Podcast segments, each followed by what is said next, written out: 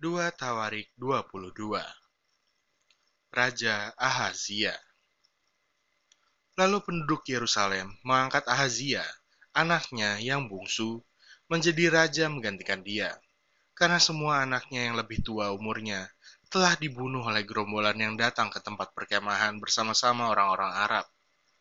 Dengan demikian, Ahazia, anak Yoram, Raja Yehuda, menjadi raja.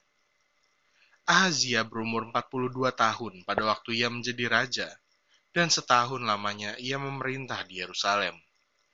Nama ibunya ialah Atalia, cucu Omri. Ia pun hidup menurut kelakuan keluarga Ahab, karena ibunya menasihatinya untuk melakukan yang jahat. Ia melakukan apa yang jahat di mata Tuhan, sama seperti keluarga Ahab. Sebab sesudah ayahnya mati, mereka menjadi penasihat-penasihatnya yang mencelakakannya. Atas nasihat mereka pula, ia pergi bersama-sama Yoram bin Ahab, Raja Israel, untuk berperang melawan Hazael, Raja Aram, di Ramot Gilead.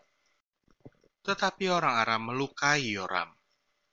Kemudian pulanglah ia ke Israel untuk diobati oleh karena luka-luka yang didapatnya di Rama pada waktu ia berperang melawan Hazael, Raja Aram.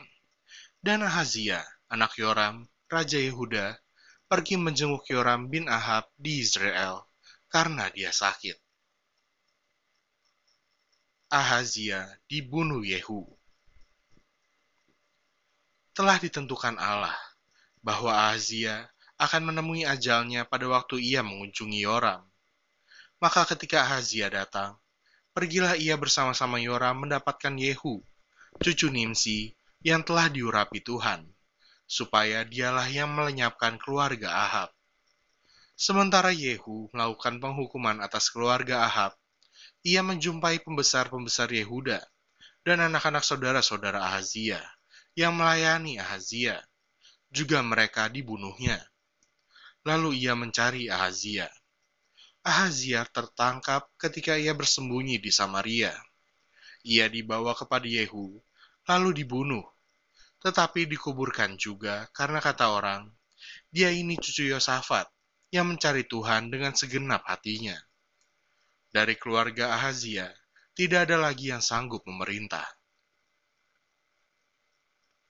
Atalia dibunuh dan Yoas menjadi raja. Ketika Atalia, ibu Ahazia, melihat bahwa anaknya sudah mati, maka bangkitlah ia membinasakan semua keturunan raja dari kaum Yehuda. Tetapi Yosabat, anak perempuan raja, mengambil Yoas bin Ahazia, menculik dia dari tengah-tengah anak-anak raja yang hendak dibunuh itu, memasukkan dia dengan inang penyusunya ke dalam gudang tempat tidur. Demikianlah Yosabat, anak perempuan Raja Yoram, istri Imam Yoyada. Ia adalah saudara perempuan Ahazia, menyembunyikan dia terhadap Atalia, sehingga ia tidak dibunuh Atalia. Maka tinggallah Yoas enam tahun lamanya bersama-sama mereka dengan bersembunyi di rumah Allah, sementara Atalia memerintah negeri.